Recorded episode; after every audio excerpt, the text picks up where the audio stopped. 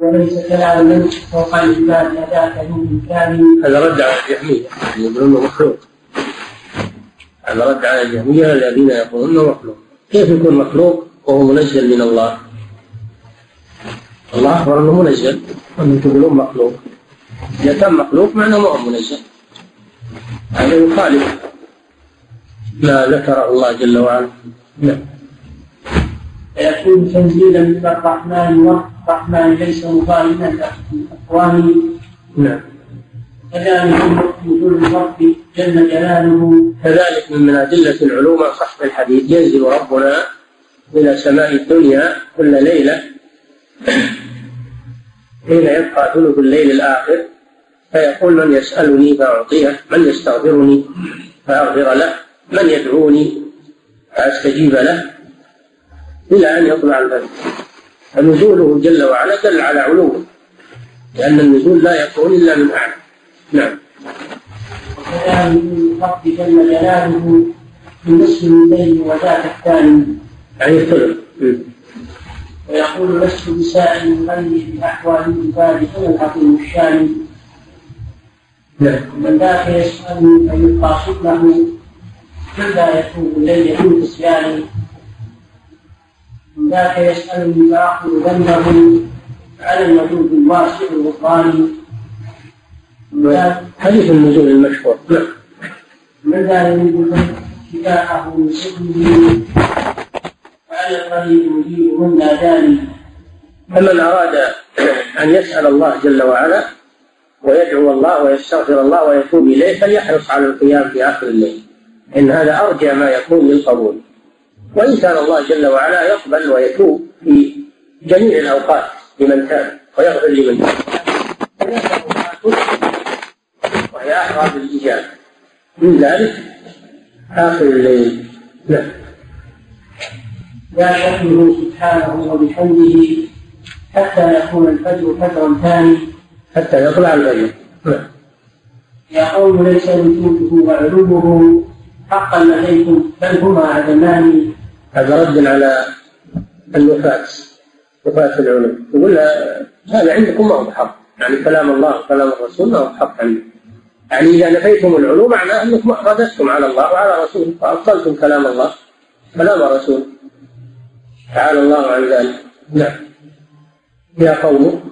يا قوم ليس وجوده وعلومه حقا لديكم بل هما عدمان هذا تكذيب بكلام الله وكلام الرسول نعم وكذاك وكذاك يقول ليس شيء عندكم لا ذا ولا قولا سواه كان. نعم. وكذاك يقول ليس شيء عندكم لا ذا ولا قولا سواه كان. كل مجال لا حقيقة تحته قول وزد وانقص بلا برهان. هذا مذهبهم التغليظ؟ إذا أعجزهم تكذيب النص راحوا يأولونه ويفسرونه بغير تفسيره وهذا باطل يقولون هذا مجاز ما هو حقيقة فنفي الحقيقة عنه تكذيب له لكن بطريقة ملتوية. بدل أن يقولوا هذا كذب وهذا غير صحيح احتالوا وراحوا يأولون بمعاني غير مرادة لله ولا لرسوله. هذا هو التكذيب. حاصل يقولون ينزل ينزل إلى الدنيا يعني ينزل أمره. ينزل أمره. هذا تأويله يقول لهم هل أمر يقول من يسألني فأعطيه. من يستغفرني فأغفر له. من يدعوني فأستجيب له. هل الأمر يتكلم ويقول كذا؟ أم أم الله جل وعلا. هذا باطل. نعم. فاصل. هذا وثامنها في سورة غافر. ورفعة الدرجات للرحمن رفيع الدرجات. أن الله أخبر أنه رفيع الدرجات. هذا يدل على العلو لأن الرفعة معناها العلو. نعم. درجاته مرفوعة كمعارج كمعارج درجاته مرفوعة كمعارج. ذي المعارج كما قال ذي المعارج جمع معراج أو الصعود. نعم. درجاته مرفوعة كمعارج أيضا له وكلاهما رفعان. نعم. وفعيل فيها ليس معنى فاعل. رفيع يعني رفيع اسم اسم مفعول مرتفع مرتفع ليس معناه رافع يقول انهم يقولون رفيع الدرجات يعني رافع درجات المؤمنين. هذا غلط. الرفيع معناه مرتفع اسم فاعل اسم فاعل مرتفع أو مرفوع مرفوع الدرجات. نعم. وحديث فيها ليس معنى فاعل وسياقها يختار بالتبيان نعم. لكنها مرفوعة درجاته. مرفوعة. فعيل بمعنى مفعول لا بمعنى فاعل. نعم؟ بسم الله الرحمن الرحيم. الحمد لله رب العالمين وصلى الله وسلم على عبده ورسوله نبينا محمد وعلى آله وأصحابه أجمعين. قال الإمام ابن القيم رحمه الله تعالى في النونية فصل هذا وتاسعها النصوص بأنه فوق السماء وذا بلا حسبان.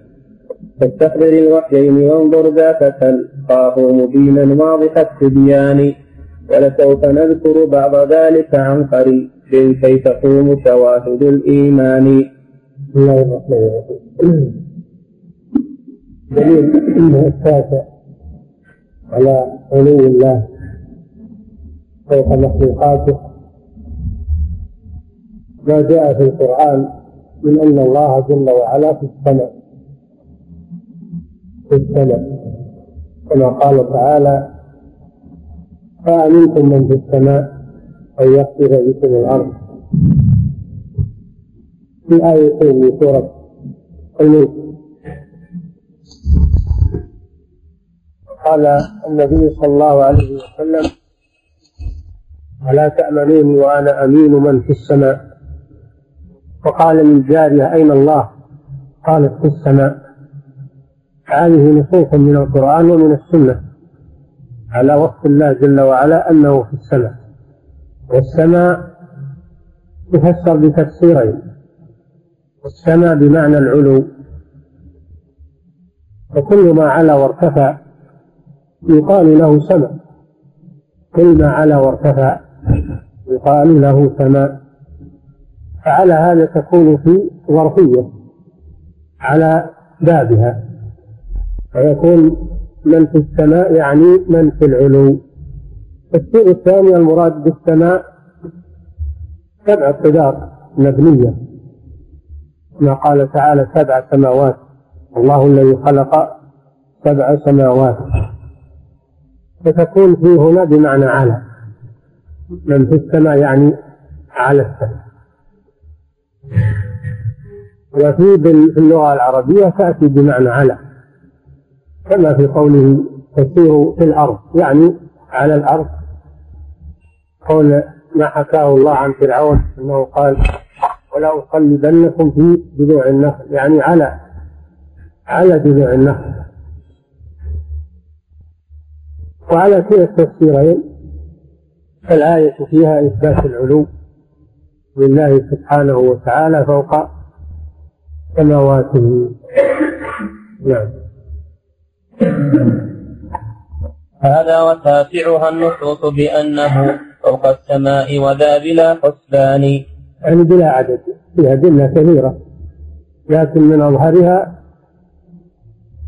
هذه الآيات وهذه الأحاديث. نعم. فاستحضر الوحيين وانظر ذاك تلقاه مبينا واضح التبيان. الوحيان المراد بهما القرآن والسنة. لأنهما وحي من الله سبحانه وتعالى. القرآن وحي من الله والسنة أيضا وحي من الله كما قال تعالى وما ينطق عن الهوى إن هو إلا وحي يوحى. الله جل وعلا أخبر أن السنة وحي يوحى من الله سبحانه وتعالى. وليس هي من عند الرسول إنما الذي عند الرسول اللفظ لفظ السنة من عند الرسول. أما معناها فهو وحي من الله سبحانه وتعالى. أما القرآن فإنه من الله لفظه ومعناه. كله وحي نعم. ولسوف نذكر بعض ذلك عن قريب كي تقوم شواهد القرآن شواهد الإيمان. وإذا أتت فلا تكن مستوحشا منها ولا تك عندها بجبان. إذا سمعت هذه النصوص وجب عليك الإيمان بها وإثباتها من غير تشكك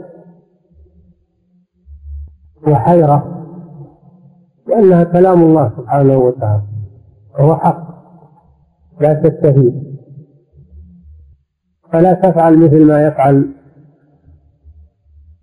الفرق الضالة. إذا سمعت هذه النصوص حصل عندها حيرة واضطراب ونفور. لأن فطرها قد تغيرت وتكدرت بالشبهات. فهم إذا سمعوا هذه النصوص المحكمة استوحشوا وتهيبوا بفساد فطرتهم. أما أهل الإيمان فإنهم يقابلون هذه النصوص بالرضا والتسليم ولا يشكون فيها لأنها كلام الله سبحانه وتعالى. وهو أعلم بنفسه سبحانه. كلام رسوله. وهو أعلم الخلق بربه عز وجل. والذي يكون عنده شك هذا معناه أنه لا يثق بكلام الله ولا بكلام الرسول صلى الله عليه وسلم.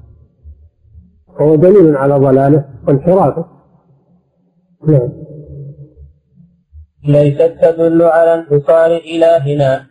عقلا ولا عرفا ولا بلسان هذا رد على أهل الضلال. يقولون لو أثبتنا ما في هذه النصوص لصار الله في جهة تحويه جهة من المخلوقات. فنقول كلا الله جل وعلا أعظم من ذلك ولا يلزم من العلو أن أن يكون حالا في سماواته أو في لأنه أعظم من كل شيء. هذه المخلوقات بالنسبة له ليست ليست بشيء. بالنسبة لعظمة الله جل وعلا. فكيف تحويه وكيف تضله أو تضله لهذا يقول شيخ الإسلام في واسطية كما مر بكم ومن ظن أن معنى قول قول الله تعالى في السماء أن السماء تقله أو تظله فهذا باطل بإجماع أهل العلم والدين. ليس معنى أنه في السماء أن السماء تقله كما يقل كما يقل الراكب مركوبه. أو تظله كما يكون الإنسان محويا في منزل تحت سطح. كلا حاشا وكلا بالنسبة لله عز وجل. وليس هو حالا في مخلوقاته وليست مخلوقاته بالنسبة إليه شيء وليست تمسكه أو هو محتاج إليها بل هو الذي يمسكها هو الذي يمسكها وهي المحتاجة إليه. ليس معنى أنه في السماء أنه محتاج إلى السماء. بل السماء محتاجة إليه وهو الذي يمسكها سبحانه بقدرته وعلمه. نعم. ليست تدل على انحصار إلهنا عقلا ولا عرفا ولا بلسان. إذ أجمع السلف العقل العقل لا يقر أن السماء تقله أو تظله. ولا نقل ليس في هذا دليل من الوحي أن السماء تقله أو تظله. ولا بلغة العرب ولا بلسانه يعني ولا بلغة العرب التي نزل بها القرآن. فإن فيه كما سمعتم إما أنها ظرفية وإما أنها بمعنى على. نعم. إذا أجمع السلف الكرام بأن معناها كمعنى فوق بالبرهان. ففي معناها مثل معنى فوق. في السماء يعني فوق السماء سواء بسواء نعم. أو أن لفظ سمائه يعنى به نفس العلو المطلق الحقاني نعم. والرب فيه وليس إما أن يقال في إما أن يقال في السماء يعني فوق السماء أو في السماء على السماء على كما سمعت. والرب فيه وليس يحصره من المخلوق شيء عز ذو السلطان. هو أعظم من المخلوقات كلها فكيف تحصره؟ المخلوقات هو أعظم منها سبحانه وتعالى. بل هي بالنسبة إليه ليست ليست بشيء. الله جل وعلا يطوي السماوات بيمينه والأراضين يطويها بشماله سبحانه وتعالى يوم القيامة. السماوات مطويات بيمينه كما جاء في الحديث. فهو أعظم من كل شيء أعظم من كل المخلوقات. فكيف تحويه؟ وهو أعظم منها. نعم. والرب فيه وليس يحصره من المخلوق شيء عز ذو السلطان. كل الجهات بأثرها عدمية في حقه هو فوقها ببيان. وليس في شيء من الجهات الست المعروفة التي هي الشمال الجنوب والشرق والغرب والتحت. بل هو في جهة العلو سبحانه وتعالى وفي جهة غير مخلوقة هو خارج الجهات المخلوقة هو فوق مخلوقاته سبحانه وتعالى من جهات وغيرها. فهو في جهة عدمية يعني غير مخلوقة. الجهة هو في جهة سبحانه لكن ليست من الجهات المخلوقة. نعم. قد بان عنها كلها فهو المحيط ولا يحاط بخالق الأكوان. هو المحيط بجميع مخلوقاته ولا تحيط به سبحانه وتعالى. نعم. ما ذاك ينقم بعد ذو التعطيل من وصف العلو لربنا الرحمن؟ ما دام تبين هذا المعنى وتوضح من كلام الله وكلام رسوله باللغة العرب أما الذي ينقله المعطل الذي ينفي العلو ماذا ينقل وما هي شبهته ليس له شبهة نعم. أيرد ذو عقل سليم قط ذا بعد التصور يا أولي الأذهان؟ ما يرد هذا أصحاب العقول السليمة وإنما يرده أصحاب العقول غير السليمة المتلوثة. فكرة التعطيل. والتشبيه أما من يؤمن بعظمة الله وإحاطته وأن المخلوقات كلها بالنسبة إليه ليست بشيء وأنها محتاجة إليه وهو ليس محتاجا إليها إذا تصور الإنسان هذا زال عنه الإشكال. لكن حينما لا يتصور هذا ويظن إن معنى العلو انه أنه فوق الخلق بمعنى أنه محتاج إلى السماوات تقله أو تظله فهذا فاسد التصور.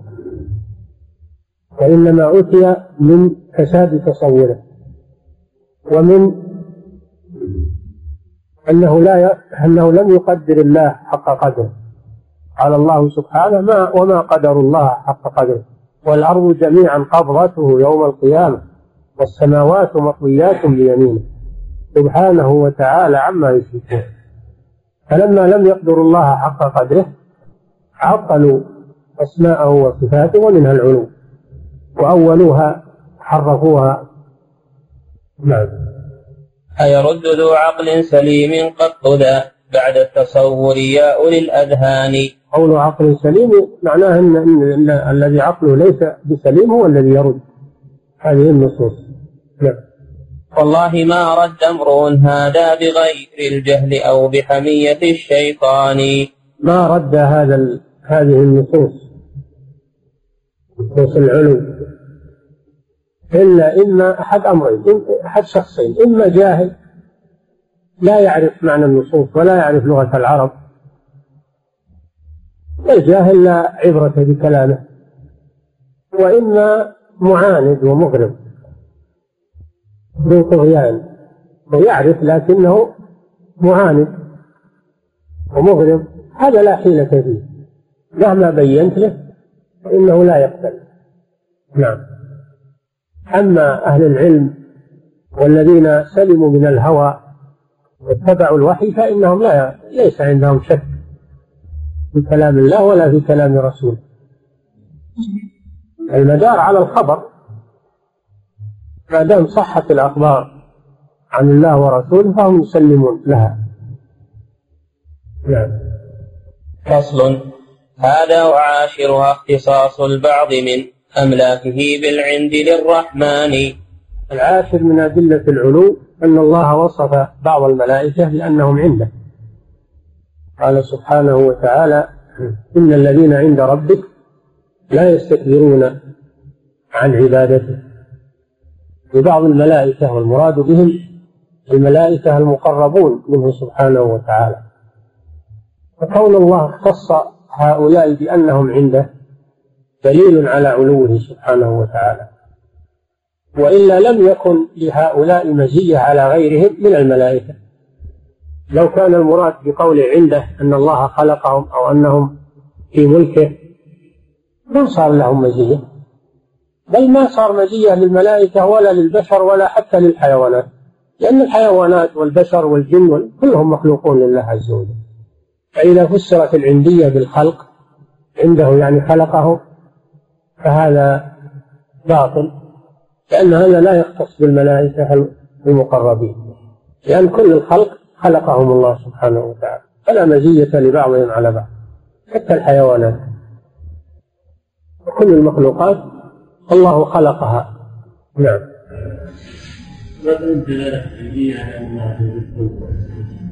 اختصاص الاختصاص. اختصاصهم بأنهم عنده يعني قريبون منه سبحانه وتعالى. نعم. هذا وعاشرها اختصاص البعض من أملاكه بالعند للرحمن. وكذا اختصاص كتاب رحمته بعند الله فوق العرش ذو تبيان. إن الله سبحانه وتعالى كتب كتابا فهو عنده فوق العرش. إن رحمتي سبقت غضبي قوله عنده فوق العرش هذا دليل على علو الله سبحانه وتعالى. نعم. لو لم يكن سبحانه فوق الورى كانوا جميعا عند ذي السلطان. كان جميع الخلق عنده. ولم يختص بذلك بعض الملائكة أو هذا الكتاب الذي كتبه سبحانه وتعالى. كل الخلق في ملكه سبحانه فلا مزية لبعضهم على بعض. نعم.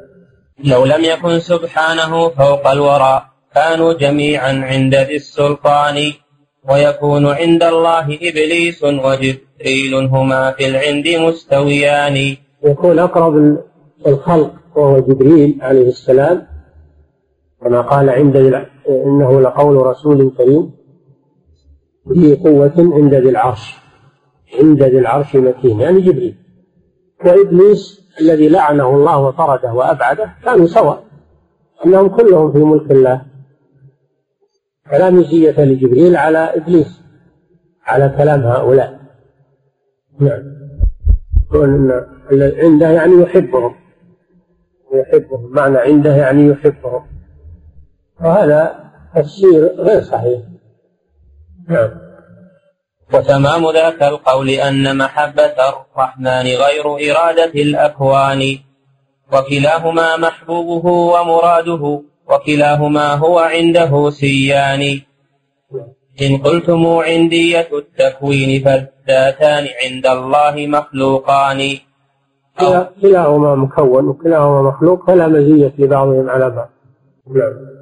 أو قلتم عندية التقريب أو قلتم عندية التقريب تقريب الحبيب وما هما عدلان. فالحب عندكم المشيئة نفسها وكلاهما في حكمها مثلان. لكن منازعكم يقول بأنها عندية حقا بلا روغان. جمعت له حب الإله وقربه من ذاته وكرامة الإحسان.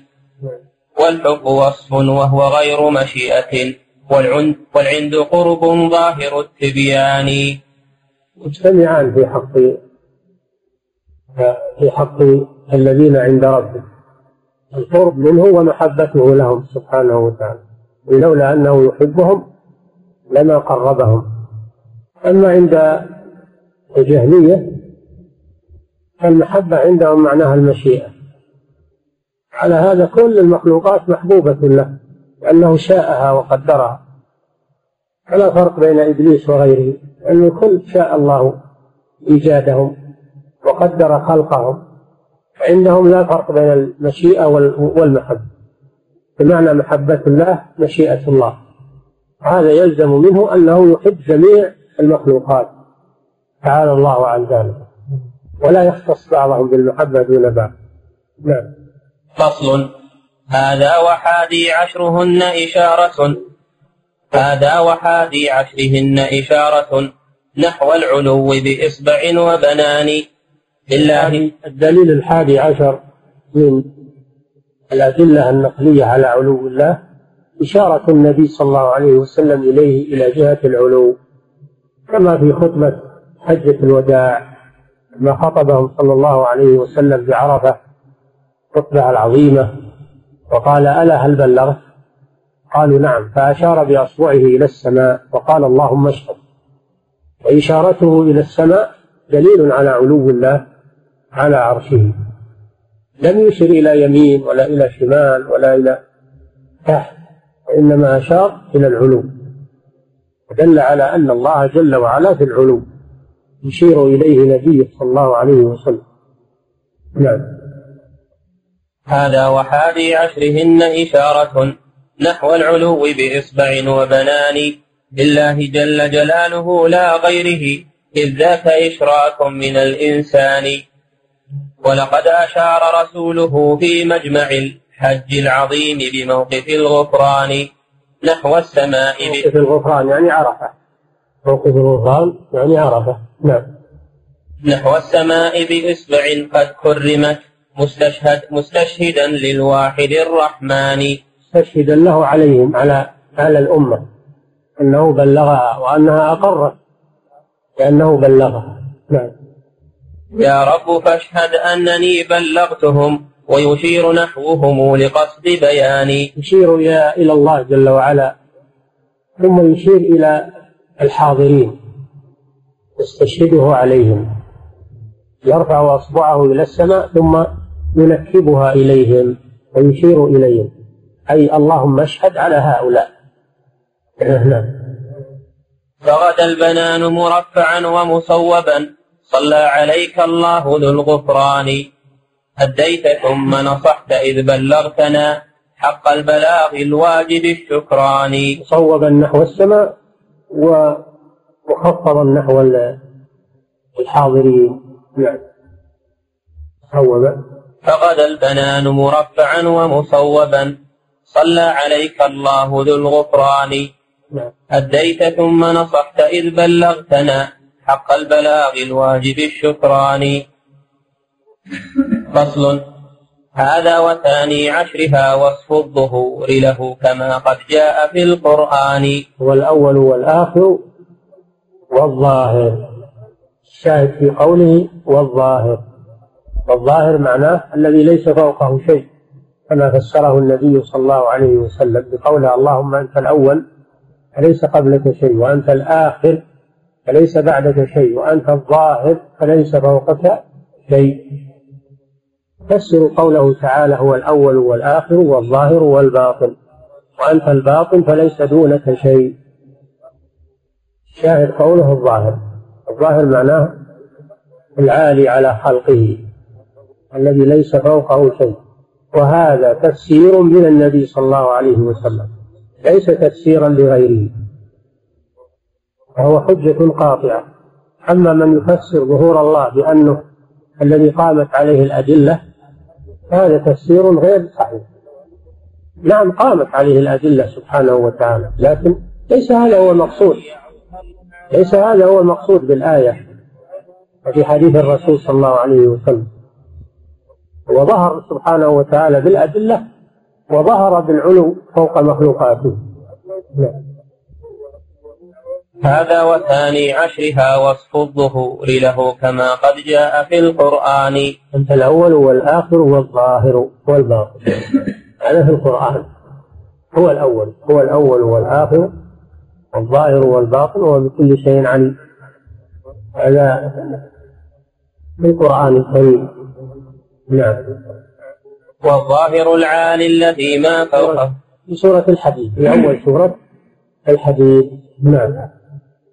والظاهر العالي الذي ما فوقه. شيء كما قد قال ذو البرهان. كما قد قال ذو البرهان وهو الرسول صلى الله عليه وسلم. لما فسر الظاهر بأنه الذي ليس فوقه شيء. نعم. التفسير إذا جاء من الرسول صلى الله عليه وسلم فهو وحي. والظاهر العالي الذي ما فوقه شيء كما قد قال ذو البرهان. حقا رسول الله ذا تفسيره ولقد رواه مسلم بضمان. حديث صحيح رواه مسلم. و تفسير القرآن بالسنة بالدرجة الأولى من درجات التفسير. أولا تفسير القرآن بالقرآن هذه الدرجة الأولى.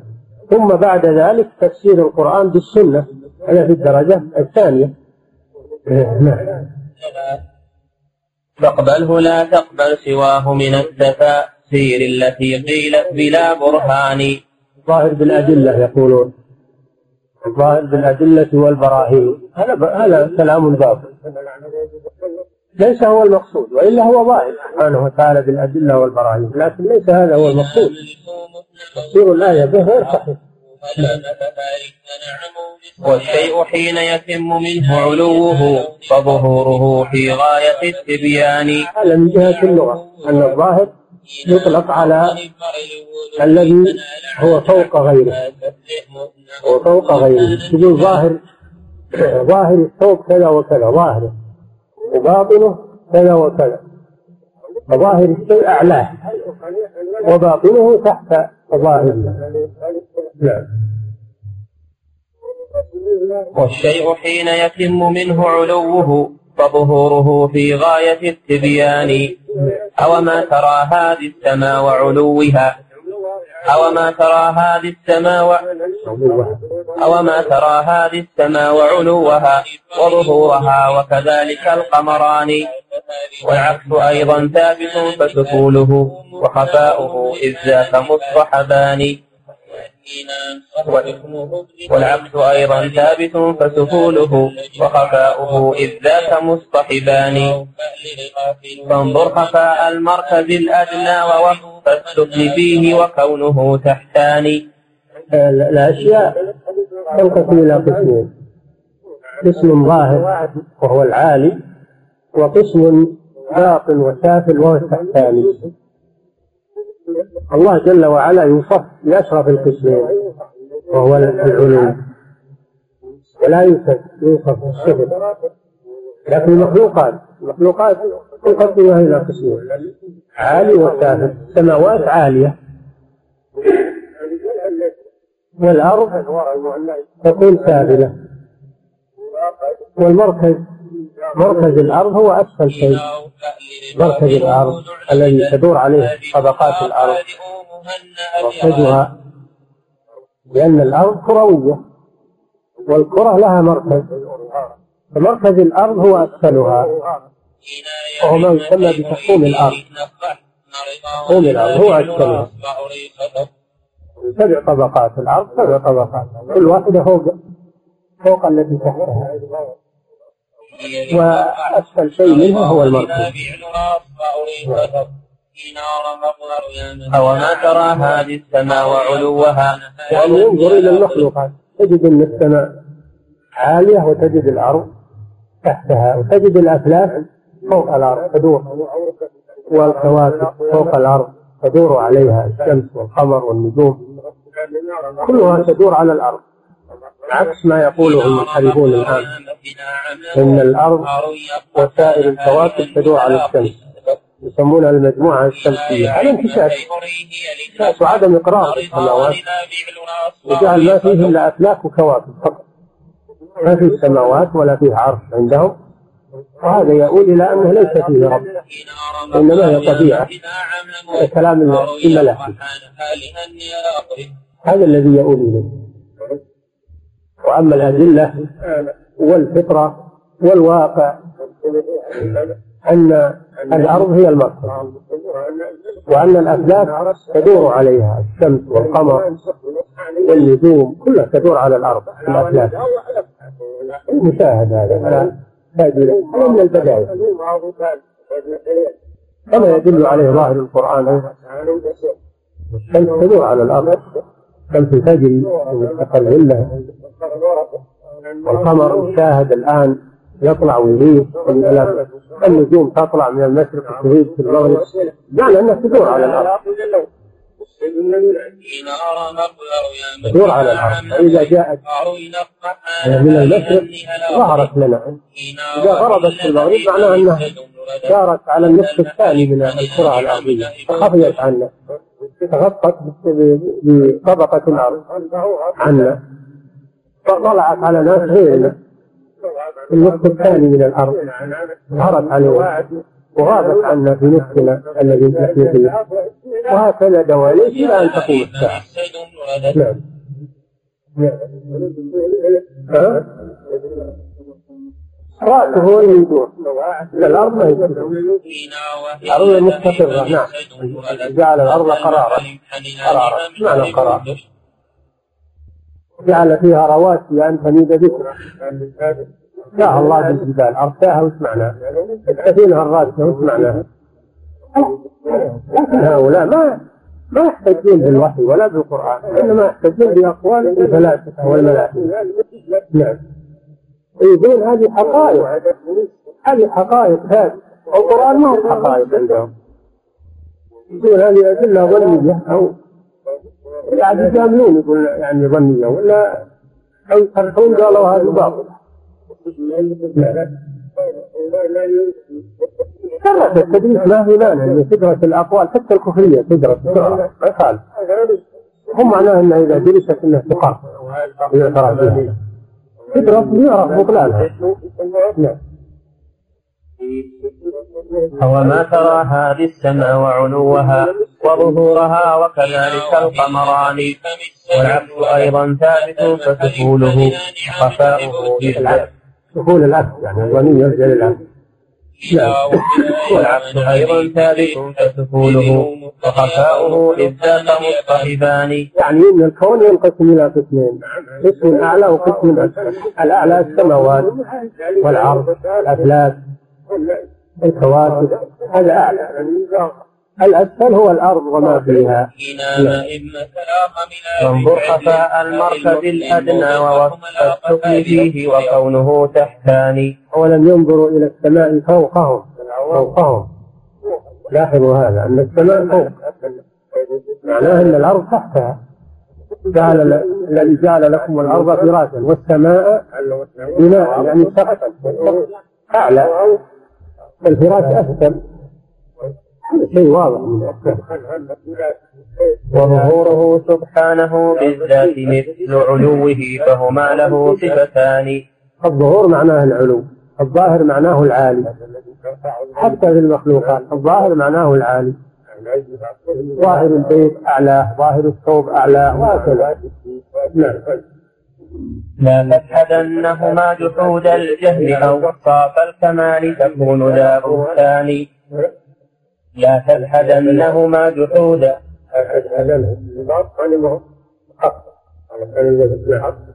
لا تجحدنه جحود الجهل أو طاف الكمال تكون ذا بهتان كما جحد الجهل أوصاف الكمال لله سبحانه وتعالى فمن جحد العلو فقد جحد أوصاف الكمال لله سبحانه وتعالى لأن العلو كمال منزه عن ذلك وظهوره هو مقتض لعلوه. وظهوره هو مقتض لعلوه. وعلوه لظهوره ببيان. نعم. الظهور والعلو بمعنى الواحد الظهور هو العلو والعلو. هو الظهور لا فرق بينهما. بآية نعمي بجهة وكذلك قد دخلت هنا خلفاء التسبيح مؤذنة بهذا الشأن. أنت الظاهر فليس. فليس فوقك شيء الفاء هذه سببية يعني بسبب ظهورك ليس فوقك شيء هذا واضح هذا اللي فتأملا تفسير أعلم خلقه بصفاته من جاء بالقرآن. إذ قال أنت كذا فليس لضده أبدا. إليك تطرق الإتيان. أنت الظاهر فليس فوق لله الظهور ونفى عنه ما يضاد الظهور. وهو أن يكون فوقه شيء. فدل على أن مخلوقاته كلها تحته سبحانه وتعالى. وأن الله فوقها بائن عنها. مكملة عنه. هذا معنى قول السلف رحمهم الله. بائن من خلقه مستو على عرشه. نعم. الله فوق السماوات. بائن من خلقه مستو على عرشه. هذا معنى كلامه. لا تتحدثهما لا تتحدثهما حول الجهل فصل. تتحدثهما لا تتحدثهما صفات العلوم صفات الكمال لأن الجهل هذا هو أصل كل بلاء مذهب الجهمية هو أصل كل بلاء تفرعت عنه المعتزلة الأشاعرة والماتريدية إلى آخره تفرع من الجهل نعم. فصل هذا وثالث عشرها إخباره أنا نراه بجنة الحيوان. كان الدليل الثالث هذا. كناية بمن قول الله عليه وسلم أننا نرى ربنا اللحمة جنة الحيوان يعني جنة الحياة. حيوان معناه الحياة. إن الدار الآخرة لهي الحيوان. يعني الحياة الكاملة. جنة الحيوان يعني جنة الحياة الكاملة. التي لا يحصل فيها موت ولا مرض ولا كبر ولا هرم هذه جنة الحيوان. أخبر النبي صلى الله عليه وسلم أحاديث متواترة أننا نرى ربنا في الجنة. الرؤيا تقتضي أننا نراه جل وعلا من أعلى. ولا من تحت وإنما نراه من أعلى سبحانه وتعالى. هذا من أدلة العلو أيضا. وشبه ذلك برؤية الشمس والقمر. كما ترون القمر ليلة البدر. كما ترون الشمس صحوا ليس دونها سحاب. ونحن نرى الشمس من فوقنا ولا لا؟ والقمر نراه من فوقنا. نعم. هذا وثالث عشرها إخباره أنا نراه بجنة الحيوان. فسل المعطل هل يرى من تحتنا أم عن شمائلنا وعن أيمان؟ أم خلفنا وأمامنا سبحانه؟ أم هل يرى من فوقنا ببيان؟ هذا هذا هو الصحيح أنه يرى من الفوق. لا يليق به أن يرى من غير العلو لأن العلو هو الكمال. نعم. يا قوم ما في الأمر شيء غير ذا أو أن رؤيته بلا إمكان. نعم. إذ رؤية لا يمكن أن يرى من غير الفوقية والعلو إذ هذا هو اللائق به سبحانه وتعالى. نعم. نعم. نعم. إذ رؤية لا في مقابلة من الرائي محال ليس في الإمكان. هذا رد على الأشاعرة اللي يقولون أنه يرى لا في جهة. يرى لا في جهة. ما هنا شيء يرى وهو ليس في جهة؟ هذا محال. كلامهم هذا محال. فهم أثبتوا الرؤيا لأن ما لهم حيلة ينفونها لأنها متواترة. أثبتوها. لكن نفوا الجهة. فقالوا يرى لا في جهة وهذا محال ما في شيء يرى إلا وهو في جهة لكن الله جل وعلا يرى من جهة العلو. وجهة غير مخلوق. وفوق المخلوقات سبحانه وتعالى. أما الجهمية فإنهم نفوا الأمرين. نفوا العلو ونفوا الجهة. وهذا معناه المعدوم. هذا معناه أنهم لا يقرون بوجود الله سبحانه وتعالى. نعم. ومن ادعى شيئا سوى ذا كان دعواه مكابرة على الأذهان. من ادعى أنه يرى لا في جهة هذه مكابرة. أو أنه لا يرى ولا في جهة هذه أعظم وأشد في الكفر نعم. ولذاك قال محقق منكم لأهل الاعتزال مقالة بأمان. ما بيننا خلف وبينكم لذي التحقيق في معنى فيا إخواني. هذا الرازي الفخر الرازي. ما بيننا وبين الجهمية فرق. لأن الجهمية نفوا الجهة ونفوا الرؤية.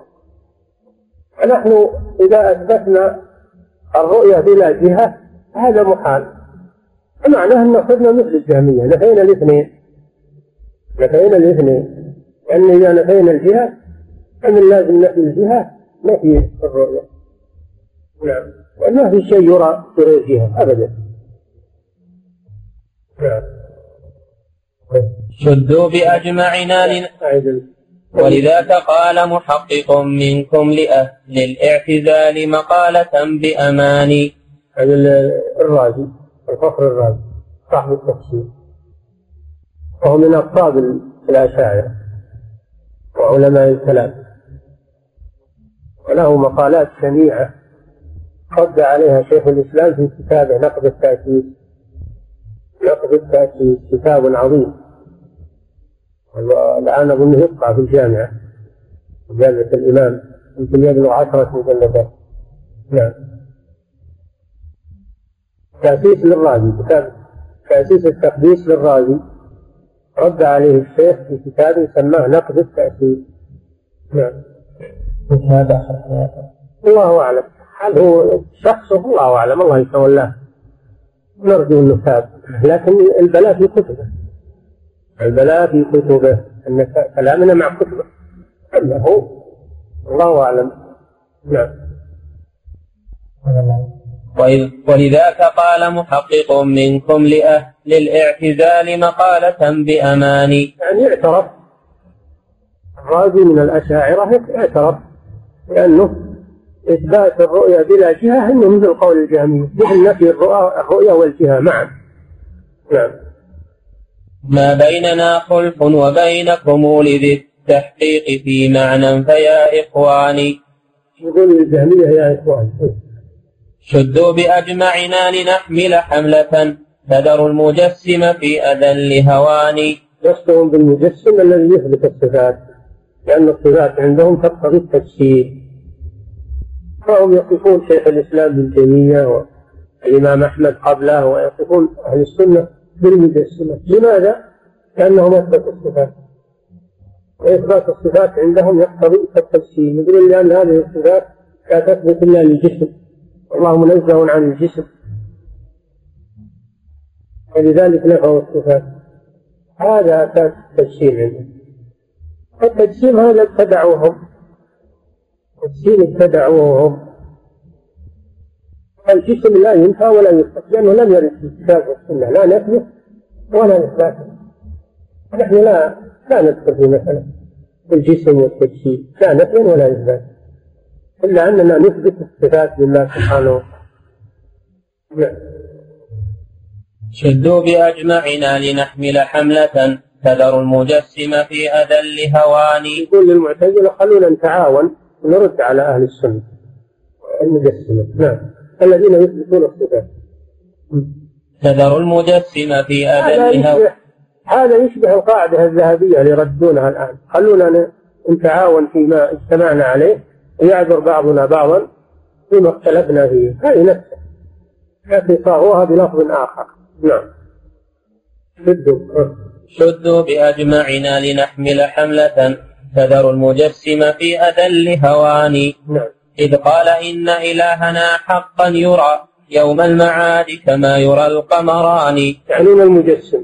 والذي قال هذا من هو؟ هو أليس هو الرسول صلى الله عليه وسلم؟ هو الرسول. فمعنى أن الرسول مجسم.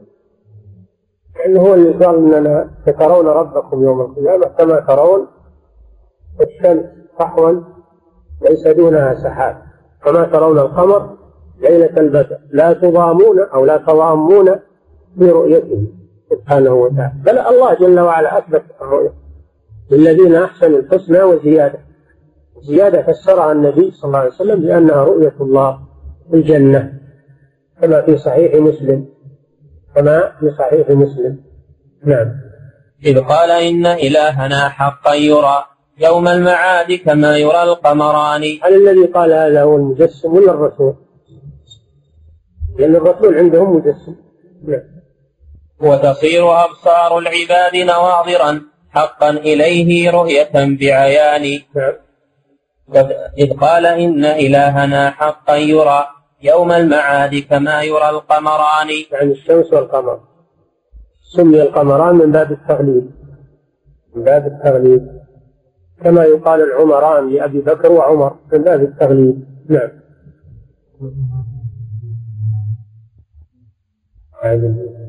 إذ قال إن إلهنا حقا يرى يوم المعاد كما يرى القمران وتصير أبصار العباد نواظرا حقا إليه.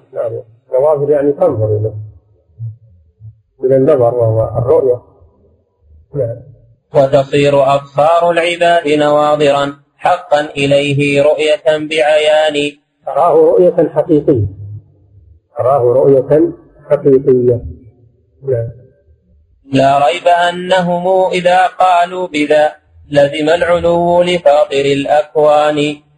يقول الرازي إذا قالوا بأن لأنهم يرونه الجنة لزم العلو.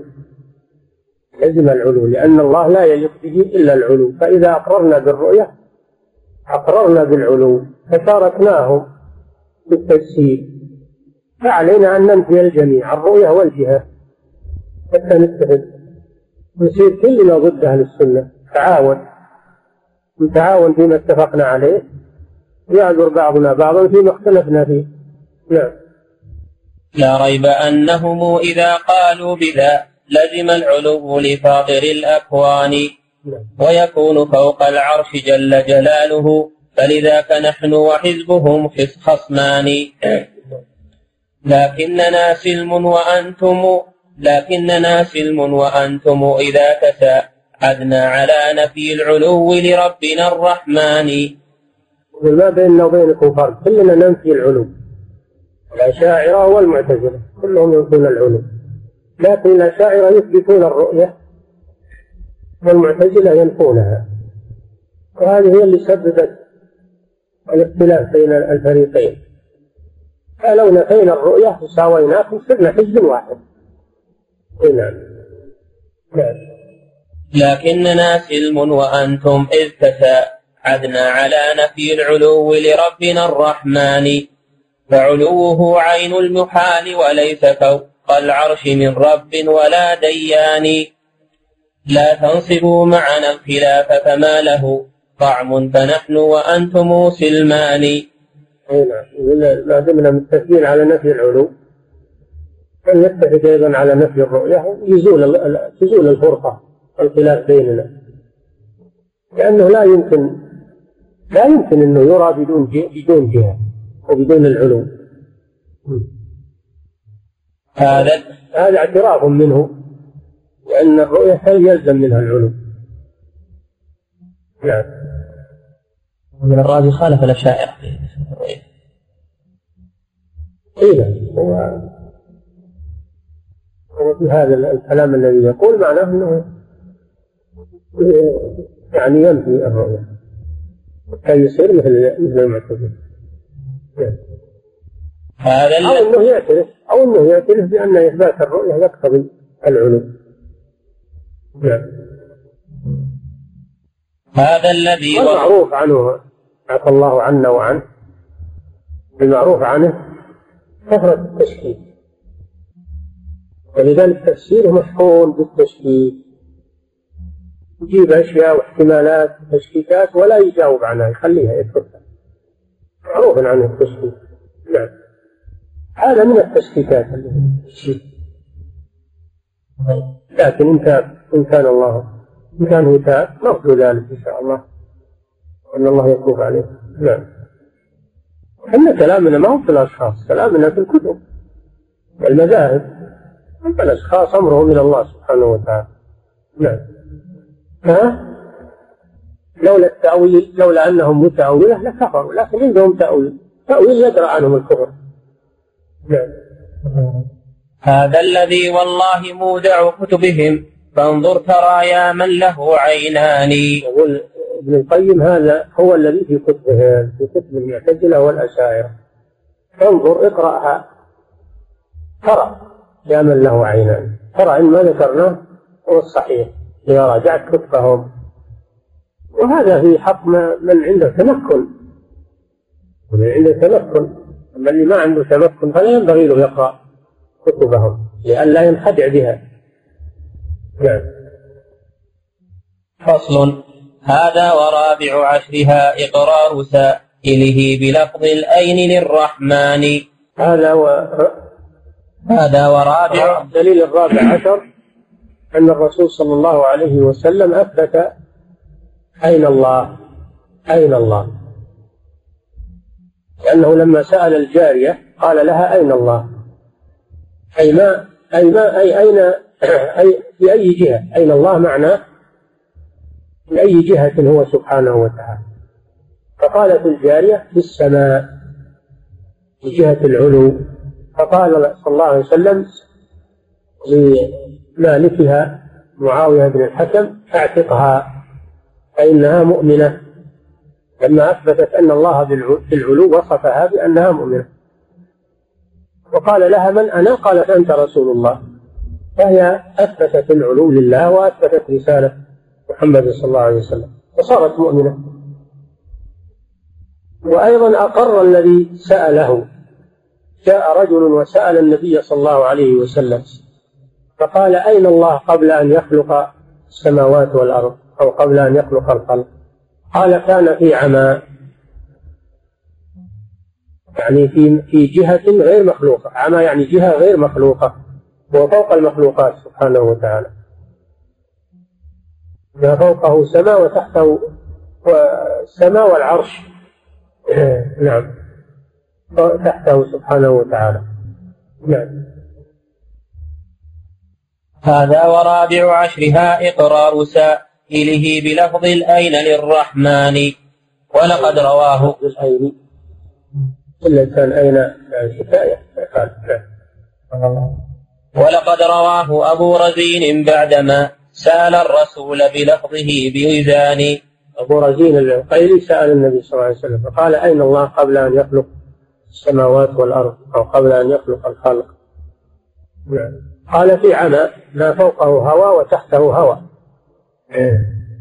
والعمى معناه الجهة غير المخلوقة.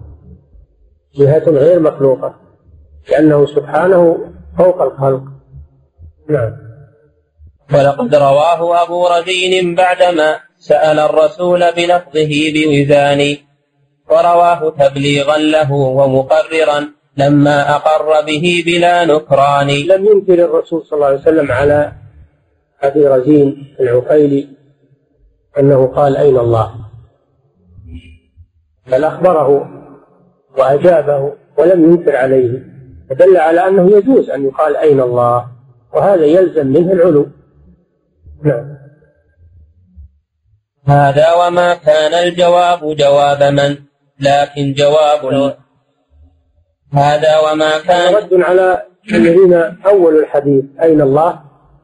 لما رأوا أنه صحيح ولا لهم حيلة في رده قالوا إن إن أين معناها من؟ معناها من؟ فيكون كان فيكون السائل يسأل من الله؟ يسأل من الله؟ وما جاء في اللغة هذا ما جاء إن إن أين معناها من. والسائل لم يسأل من الله؟ وإنما سأل أين الله؟ بينهما فرق. السؤال في من الله؟ له جواب. من ربكما يا موسى؟ قال ربنا الذي أعطى كل شيء خلقه ثم هدى. وأما أين الله؟ فيجاب عنها بأنه في السماء. الجواب مختلف. جواب أين؟ يختلف عن جواب من؟ نعم. هذا وما كان الجواب جواب من؟ لكن جواب اللفظ بالميزان. اللفظ الذي هو أين قال في السماء هذا جواب أين أما لو كان الجواب جواب من؟ فكان أن يقول الله كذا وكذا. نعم. بل لا وليس لمن دخول قط في هذا السياق لمن له أذنان. ومن ليس لها مناسبة في هذا السياق. أبدا. سياق السؤال والجواب. نعم. دع ذا فقد قال الرسول بنفسه أين الإله لعالم بلساني الرسول قال أين الله؟ لما سأل الجارية لما سأل الجارية قال أين الله؟ دل على أن أنه يسأل فيقال أين الله؟ هذا صحيح. قاله الرسول صلى الله عليه وسلم وأقر من قاله. نعم. والله ما قصد المخاطب غيره. والله ما قصد المخاطب والله ما قصد المخاطب نعم ما والله ما قصد المخاطب غيره. معناها الذي وضعت له الحقان. والله ما قصد المخاطب غيره. معناها الذي وضعت له الحقان. المخاطب والله ما قصد المخاطب غيره. والله ما قصد المخاطب غيره. معناها الذي وضعت له الحقان. والله ما فهم المخاطب غيره واللفظ موضوع لقصد بيان. يا قوم لفظ الأين ممتنع على الرحمن عندكم وذو بطلان. ويكاد قائلكم يكفرنا به بل قد وهذا غاية العدوان. بل قد يعني قد كفرنا لأن بعضهم من قال إن الله فهو كافر. على هذا أن الرسول يكون كافرا. الرسول قال أين الله؟ كيف كيف ينتهي يعني الضلال بأصحابه. هم ما قصدوا هذا لكن كلامهم يقتضيه. كلامهم يقتضيه. نعم. لفظ صريح جاء عن خير الورى قولا وإقرارا هما نوعان. أقر وأقر من سأله هو أبو رزين وقاله هو صلى الله عليه وسلم بلفظه الجارية. نعم. والله ما كان الرسول بعاجز عن لفظ من مع أنها حرفان. يعني الرسول يعجز أن يقول للجارية من الله؟ مع أن لفظة من أيسر من لفظة أين؟ لأن لفظة أين؟ ثلاثة حروف. ومن حرفان فقط. فكيف الرسول يجيب كلام من ثلاثة حروف ويترك الكلام اللي من حرفين وهو أيسر وأسهل؟ نعم. والله ما كان الرسول بعاجز عن لفظ من مع أنها حرفان. يعني أيسر من ثلاثة حروف والأين أحرفها ثلاث وهي ذو لبس ومن في غاية التبيان. أيضا هذا فرق ثاني أن من أوضح من أين؟ كان المناسب أن الرسول يأتي بالواضح يترك اللي فيه لبس. نعم. والله ما الملكان أفصح منه إذ في القبر من رب السماء يسألان الملكان يسألان الميت في القبر فيقولان له من ربه ولا يقولان أين ربه نعم. ويقول أين الله؟ يعني من فلا والله ما اللفظان متحدان. كلا ولا معناهما أيضا لذي لغة ولا شرع ولا إنسان.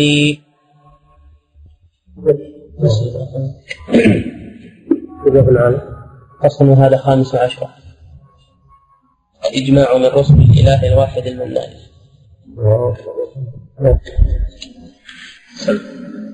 الحمد لله رب العالمين وصلى الله وسلم على عبده ورسوله نبينا محمد. وعلى آله وأصحابه أجمعين. قال الإمام أبو عبد الله بن القيم رحمه الله تعالى فصل.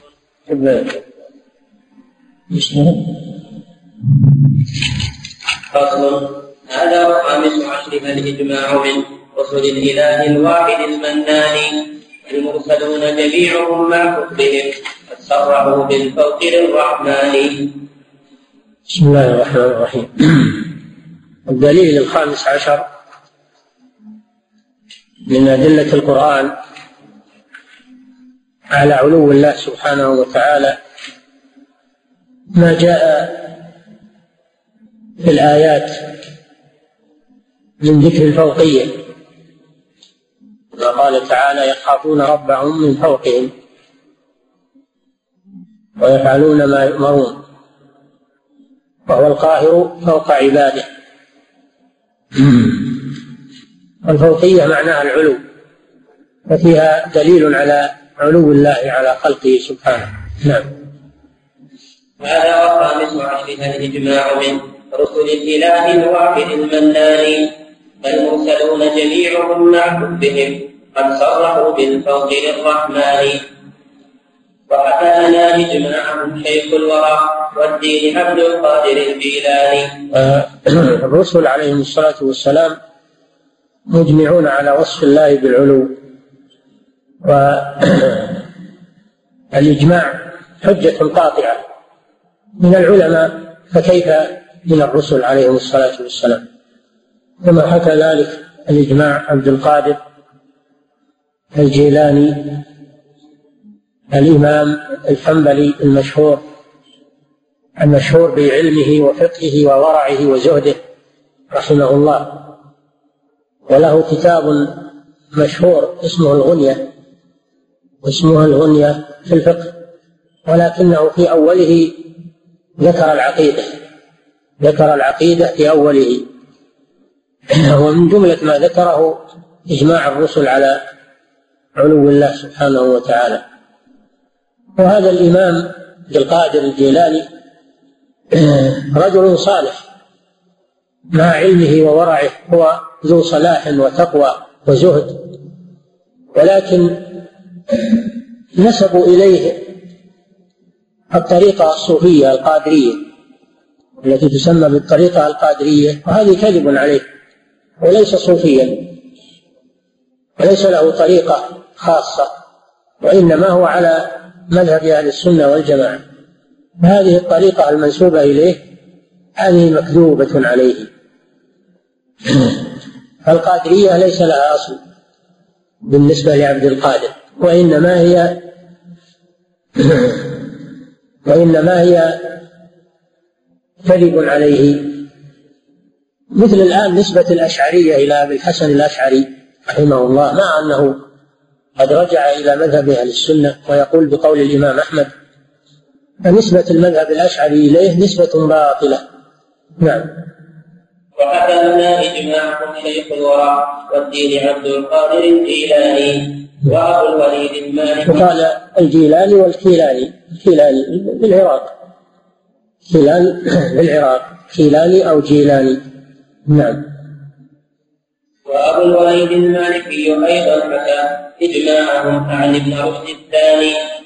وحكى إجماعهم أيضا الولي أبو الوليد بن رشد. صاحب بداية المجتهد. ويلقب بالحفيد فرقا بينه وبين الجد ابن رشد الجد صاحب البيان والتحصيل في مذهب المالكية هذا هو الجد. أما الحفيد وهو ابن ابنه فهو صاحب بداية المجتهد الفيلسوف. نعم.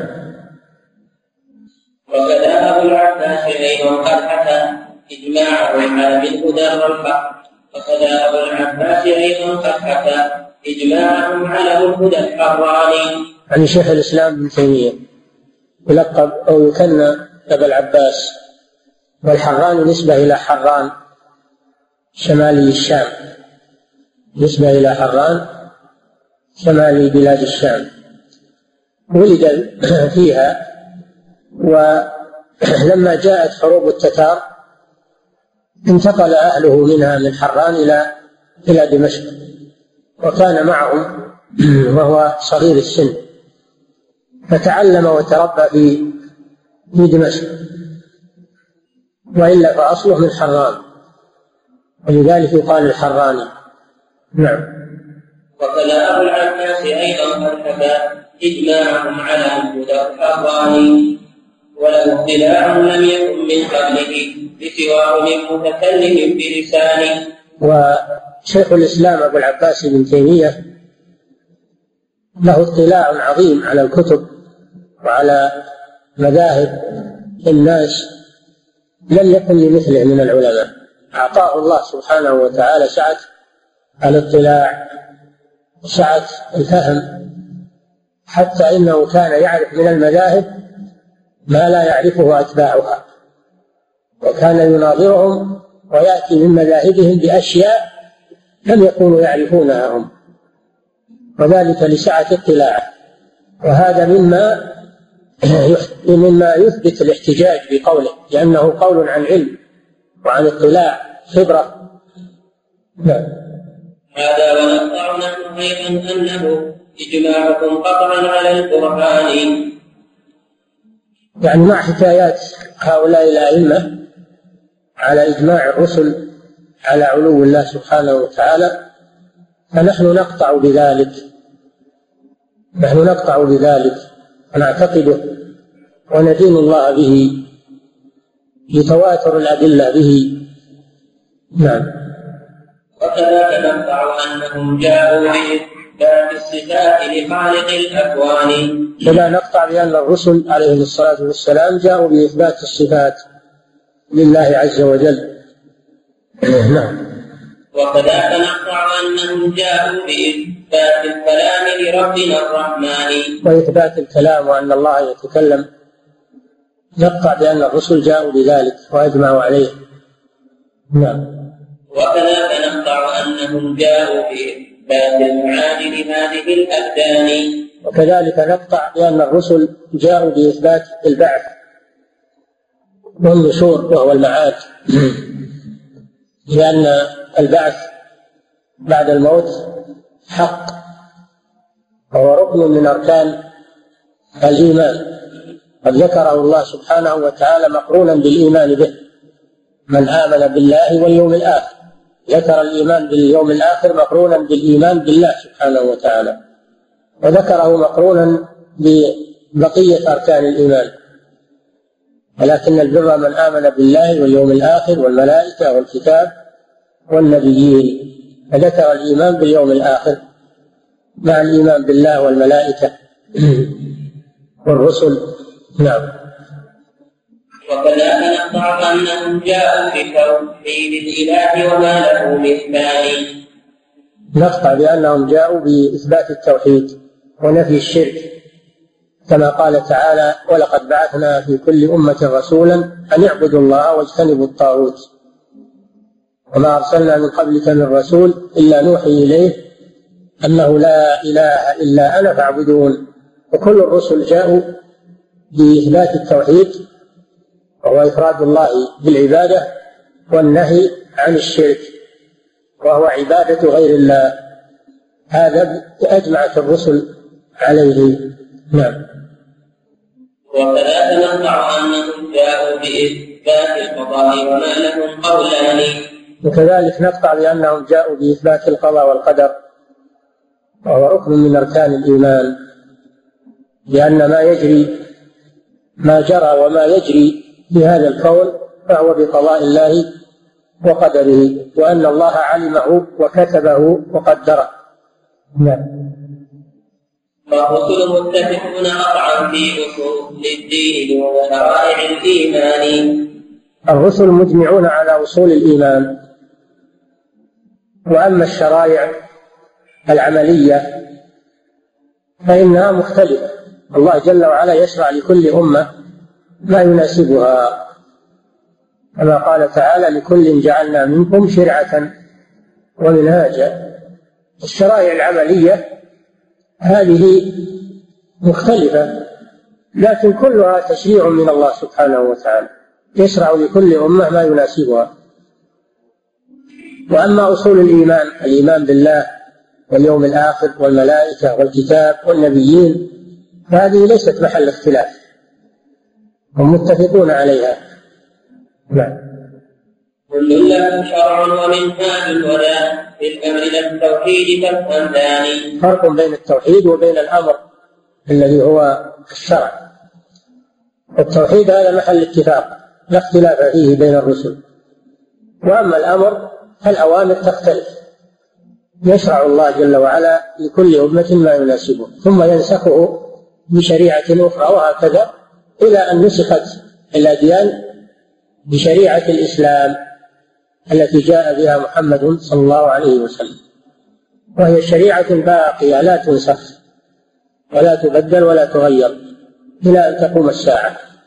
نعم. فالدين بالتوحيد دين واحد لم يختلف منهم عليه اثنان. كلهم جاءوا بالتوحيد وهو إفراد الله بالعبادة. وعبادة الله هي فيما شرع لكل زمان بحسبه. عبادة الله هي بما شرعه في كل زمان بحسبه. وكل الأمم التابعة للرسل كل أتباع الرسل يعبدون الله بشرائعهم التي شرعها لهم. فإذا نسخت فإن العمل يكون بالناسخ دون المنسوخ. مثلا القبلة الاتجاه في الصلاة. كان في أول الإسلام إلى بيت المقدس. وصلاتهم إلى بيت المقدس عبادة لله سبحانه وتعالى. فلما نسخت وحولت إلى الكعبة صارت العبادة هي الاتجاه إلى الكعبة. ومن اتجه إلى بيت المقدس بعد ذلك فإن صلاته غير صحيحة لأنه شرع انتهى. الشرع المنسوخ لا يجوز العمل به بل يجب العمل بالناسخ. فالإنسان يدور مع أمر الله سبحانه وتعالى. ولهذا قال ليس البر أن تولوا وجوهكم قبل المشرق والمغرب ولكن البر من آمن بالله اليوم الآخر الآية نعم فالبر هو اتباع ما أمر الله به في كل وقت بحسبه. نعم. الدين في التوحيد دين واحد لم يختلف منهم عليه اثنان. دين إله إختاره لعباده ولنفسه هو قيم الأديان. فمن المحال بأن يكون لرسله في وصفه خبران مختلفان. التوحيد لا يمكن أن يختلف الرسل أبدا. دينهم واحد وهو الإسلام الذي وصف الله به جميع الرسل. كلهم مسلمون بمعنى أنهم يوحدون الله ويفيدونه بالعبادة وينقادون لأمره. هذا محل الإجماع ومحل الاتفاق ولهذا يقول النبي صلى الله عليه وسلم نحن معاشر الأنبياء أخوة لعلات. والإخوة للعلات هم أبوهم واحد وأمهاتهم مختلفة. فكذلك الرسل. عقيدتهم واحدة وإن كانت شرائعهم مختلفة ومتنوعة ديننا واحد. نعم. وكذا نقطع أنهم جاءوا بعدل الله بين طوائف الإنسان. كما أن الرسل جاءوا بالعدل الذي هو ضد الجور وضد الظلم. فكل ما جاء به الرسل فإنه عدل وصلاح وأنهم كلهم نهوا عن الظلم والجور والفساد. هذا محل اتفاق بين الرسل الأمر بالعدل والنهي عن الظلم والجور والطغيان. نعم. وكذا نقطع أنهم أيضا دعوا بالخمس وهي قواعد الإيمان إيماننا بالله ثم برسله وبكتبه وقيامة الأبدان وبجنده وهم الملائكة الأولى هم رسله لمصالح الأكوان. نعم أركان الإيمان الستة هذه محل إجماع من الرسل وهي الإيمان بالله وملائكته وكتبه ورسله واليوم الآخر والإيمان بالقدر خيره وشره. هذه محل اتفاق بين الرسل. لن يخالف فيها منهم أحد. نعم. هذه أصول الدين حقا لا الأخذ للقاضي والهمداني المعتزلة وإمامهم القاضي عبد الجبار لهم أصول خمسة غير أصول الرسل. أحدثوها وهي التوحيد والعدل وإنفاذ الوعيد والمنزلة بين المنزلتين والأمر بالمعروف والنهي عن المنكر. هذه أصول المعتزلة. بدل الإيمان بالله وملائكته وكتبه ورسله واليوم الآخر والقدر جاءوا بأصول من عندهم فقالوا هي التوحيد ويريدون به نفي الصفات لأن إثبات الصفات عندهم شرك. هذا التوحيد عند المعتزلة. نفي الصفات لأن إثبات الصفات عندهم شرك والعدل المراد به عندهم نفي القدر لأن إثبات القدر عندهم جور وظلم. وإنفاذ الوعيد وهو تخليد أصحاب الكبائر في النار. تخليد أصحاب الكبائر في النار هذا إنفاذ الوعيد عندهم. خلاف أهل السنة إنهم يقولون أهل الكبائر لا يخرجون من الإيمان وهم معرضون للوعيد. إن شاء الله أنفذه فيهم وإن شاء عفى عنهم. لكنهم لا يخرجون من الإيمان ولا يخلدون في النار. المعتزلة يقولون لا. أصحاب الكبائر خارجون من الإيمان وإذا ماتوا على ذلك فهم مخلدون في النار. هذا إنفاذ الوعيد. المنزلة بين المنزلتين وهي قولهم إن مرتكب الكبيرة ليس بمؤمن ولا كافر فهو بالمنزلة بين المنزلتين يخرج من الإيمان ولا يدخل في الكفر. وإذا مات فإنه يكون وهو لم يتب فإنه يكون مخلدا في النار. هذه المنزلة بين المنزلتين عندهم.